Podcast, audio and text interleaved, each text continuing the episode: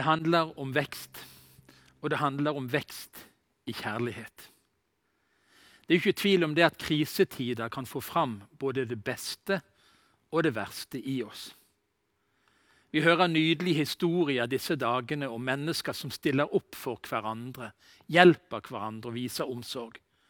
Og Samtidig hører vi om utfordringer i samliv, i familier, hvor det blir litt for mye tid til å være alene. Og en kjenner på utfordringer i relasjoner. Og Ifølge media så er det to yrkesgrupper som får mye å gjøre i tiden framover. Kanskje litt kjekkere at det er jordmødrene. Ikke fullt så kjekt at ekteskapsrådgiverne kanskje vil bli mer brukt. Jeg har fått litt mer tid til å lese i disse dagene. Og Boken om Hans Nilsen Hauge har vært en spennende, oppmuntrende lesning. På side 61 så står det et sitat, eller eh, noe han har sagt i et eh, avisinnlegg fra 1802. Mitt kallsbrev er å elske Gud og min neste. Mitt kallsbrev er å elske Gud og min neste. Og Da går vi til det som er teksten for denne søndagen. Vi skal være i 1. Tessalonika-brev kapittel 1 og i 2. Tessalonika-brev kapittel 1. For vår Gud og Fars ansikt husker vi stadig på hvordan dere er virksomme i tro, arbeider i kjærlighet og holder ut i håp til vår Herre Jesus Kristus. Vi må alltid takke Gud for deres søsken, som rett er, for troen deres vokser seg stadig rikere, og kjærligheten dere har til hverandre, blir større hos hver og en av dere. For en nydelig attest. Arbeid i kjærlighet. Og den kjærligheten som de har til hverandre, blir større. Litt av et fellesskap. Og det var ikke så enkle omgivelser som de levde i. For Paulus skriver i kapittel 1 i 2. Tessalonika-brev når vi forteller om dere i Guds menigheter, kan vi derfor være stolte over den utholdenhet og tro dere viser i alle de forfølgelser og trengsler dere må tåle. Så midt inn i en vanskelig tid, utfordrende tid for denne menigheten, så vokste kjærligheten, så vokste troen. Så fikk de oppleve det at forfølgelse og trengsler ikke ødela for Guds rike iblant de. En nydelig attest lenger ute i 1. Tessalonika-brev, i kapittel 3.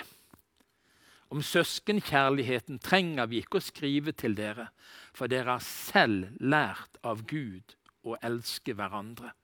Og dere viser denne kjærligheten mot alle våre søsken i hele Makedonia.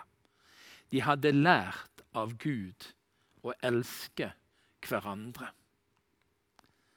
Hva kjærlighet er, har vi lært av at Jesus ga sitt liv for oss.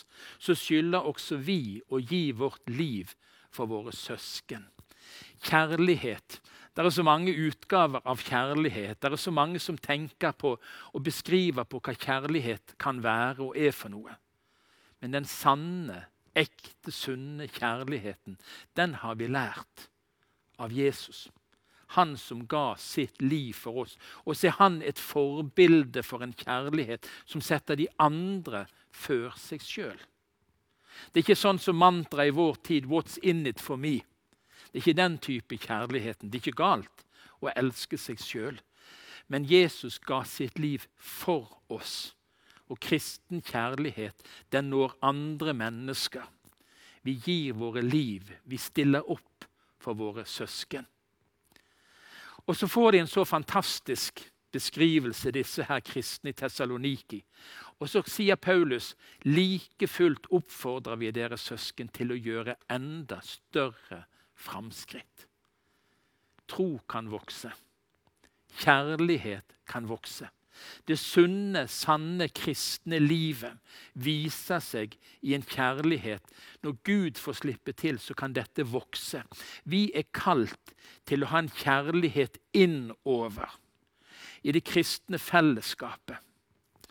Og I grunnen så trenger vi disse bibelordene. For vi, det, kan lett bli bare ord. Mine barn, skriver Johannes. La oss elske ikke med tomme ord, men i gjerning og sannhet.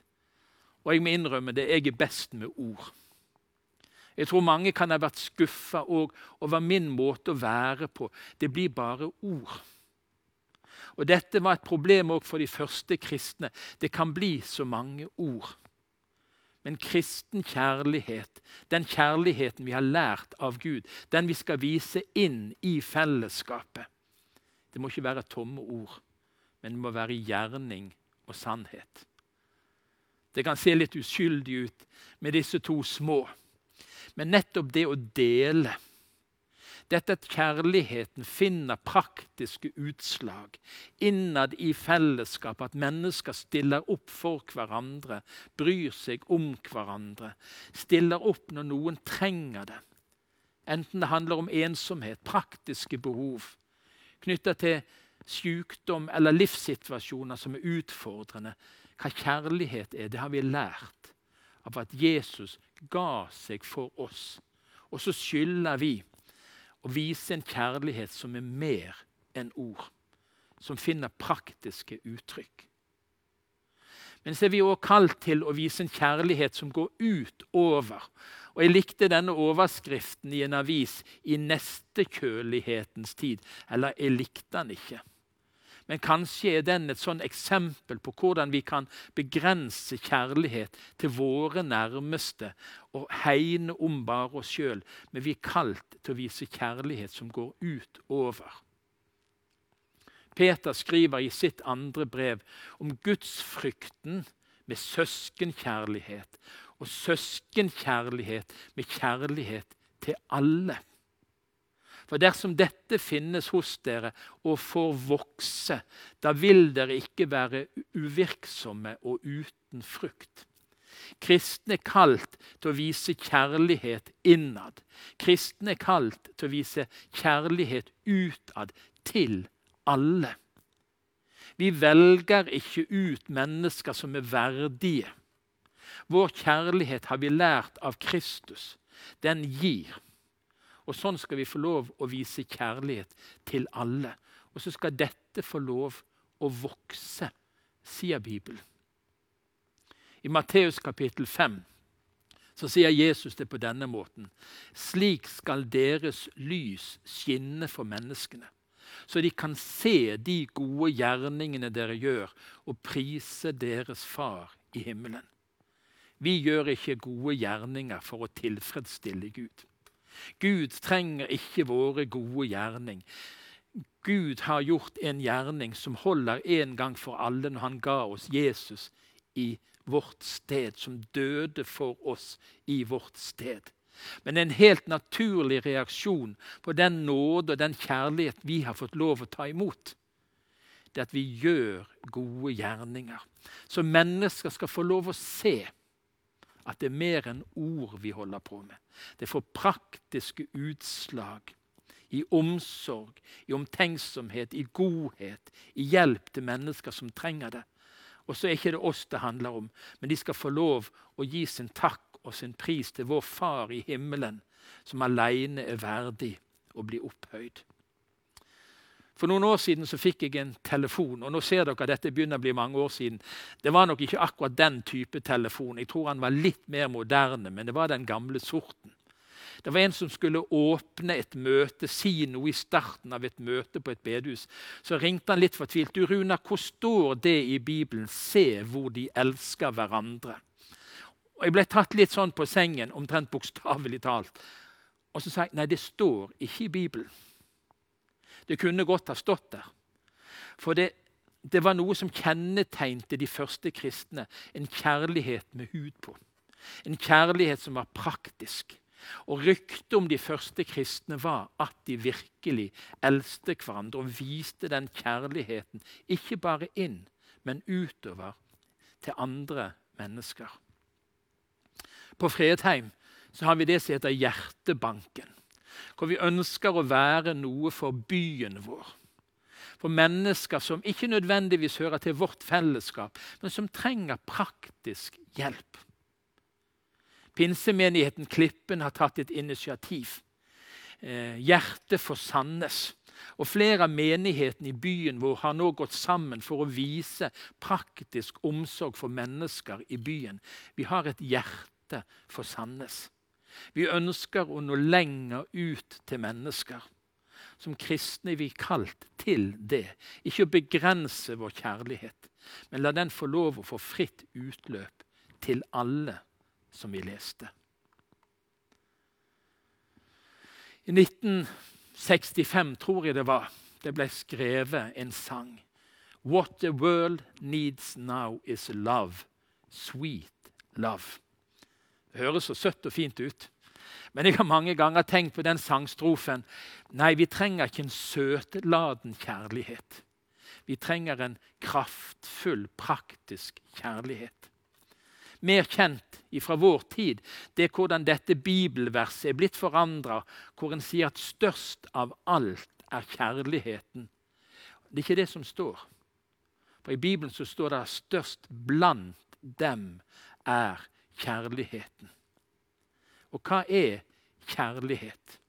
Hvordan viser den kjærligheten seg oppover til Gud. Hva er den bibelske kjærligheten? Hva er det Gud ser etter når han ber oss elske Han, følge Han? I det gamle pakt, i det gamle testamentet, så leser vi Og nå, Israel, hva er det Herren din Gud krever av deg? Bare dette, at du frykter Herren din Gud, så du alltid går på hans veier og elsker ham og tjener Herren din Gud av hele ditt hjerte og hele din sjel. At du holder Herrens bud og forskrifter som jeg gir deg i dag. Da skal det gå deg vel. Kjærlighet er mer enn en følelse. Kjærligheten vår til Gud, kjærligheten som går oppover, handler ikke først og fremst om følelser, men det handler om vilje til å følge, til å holde det som Gud har sagt.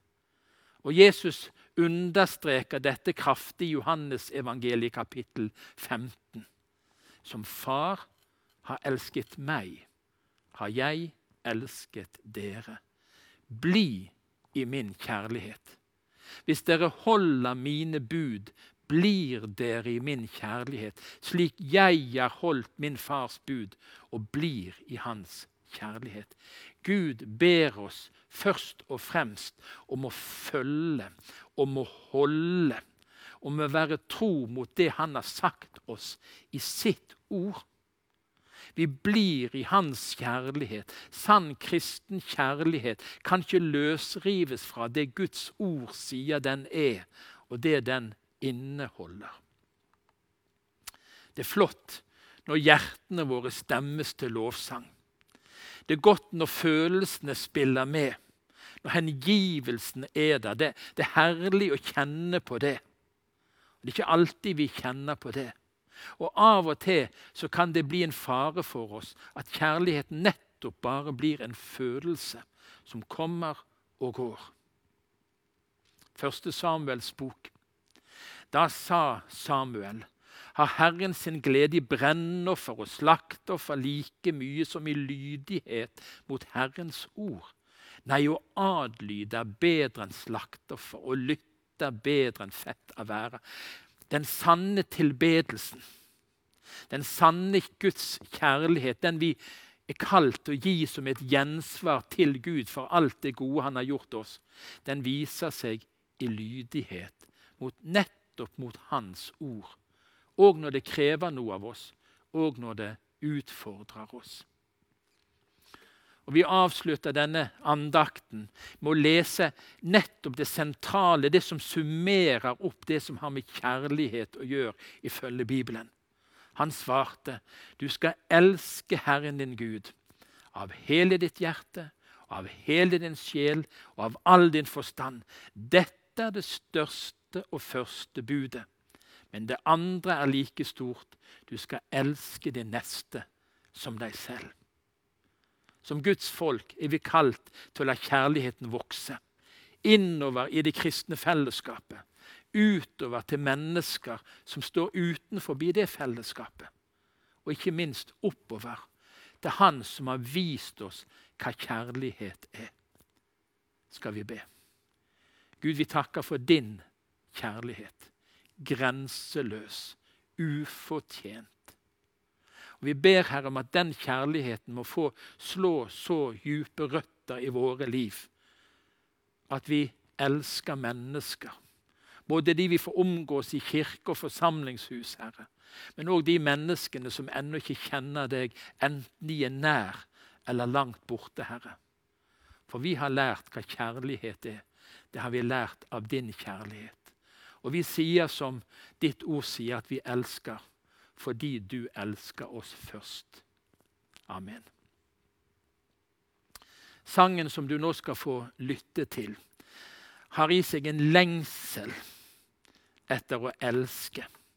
Har en lengsel fordi vi får det ikke alltid helt til som vi ønsker å elske. Lytt til sangen. Ta den inn over deg. Reflekter over den.